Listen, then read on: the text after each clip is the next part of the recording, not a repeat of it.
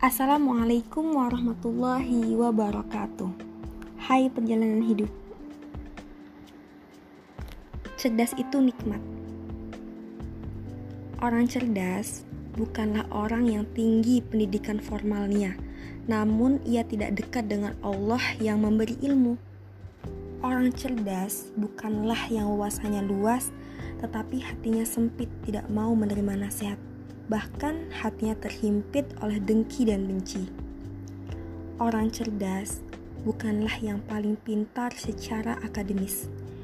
Lalu ia menuhankan akalnya, merasa kepintarannya yang bisa menolongnya, menjadikan akal sebagai hakim atas ayat dan hadis Nabi.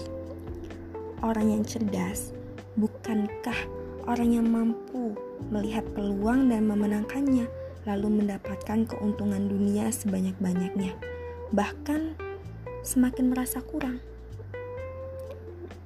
Tetapi orang yang cerdas adalah mereka yang paling banyak mengingat mati. Mereka yang pandai mempersiapkan kehidupan kehidupan setelah mati. Karena ia sadar dunia adalah sementara, akhirat selamanya. Wahai Rasulullah, orang mukmin manakah yang paling utama? Beliau menjawab, orang yang paling baik akhlaknya. Orang itu bertanya lagi, mukmin manakah yang paling cerdas? Beliau menjawab, orang yang paling banyak mengingat mati dan yang paling banyak ba yang paling banyak baik persiapannya menghadapi kehidupan setelah mati. Mereka itulah orang-orang yang paling cerdas. Hadis riwayat Ibnu Majah.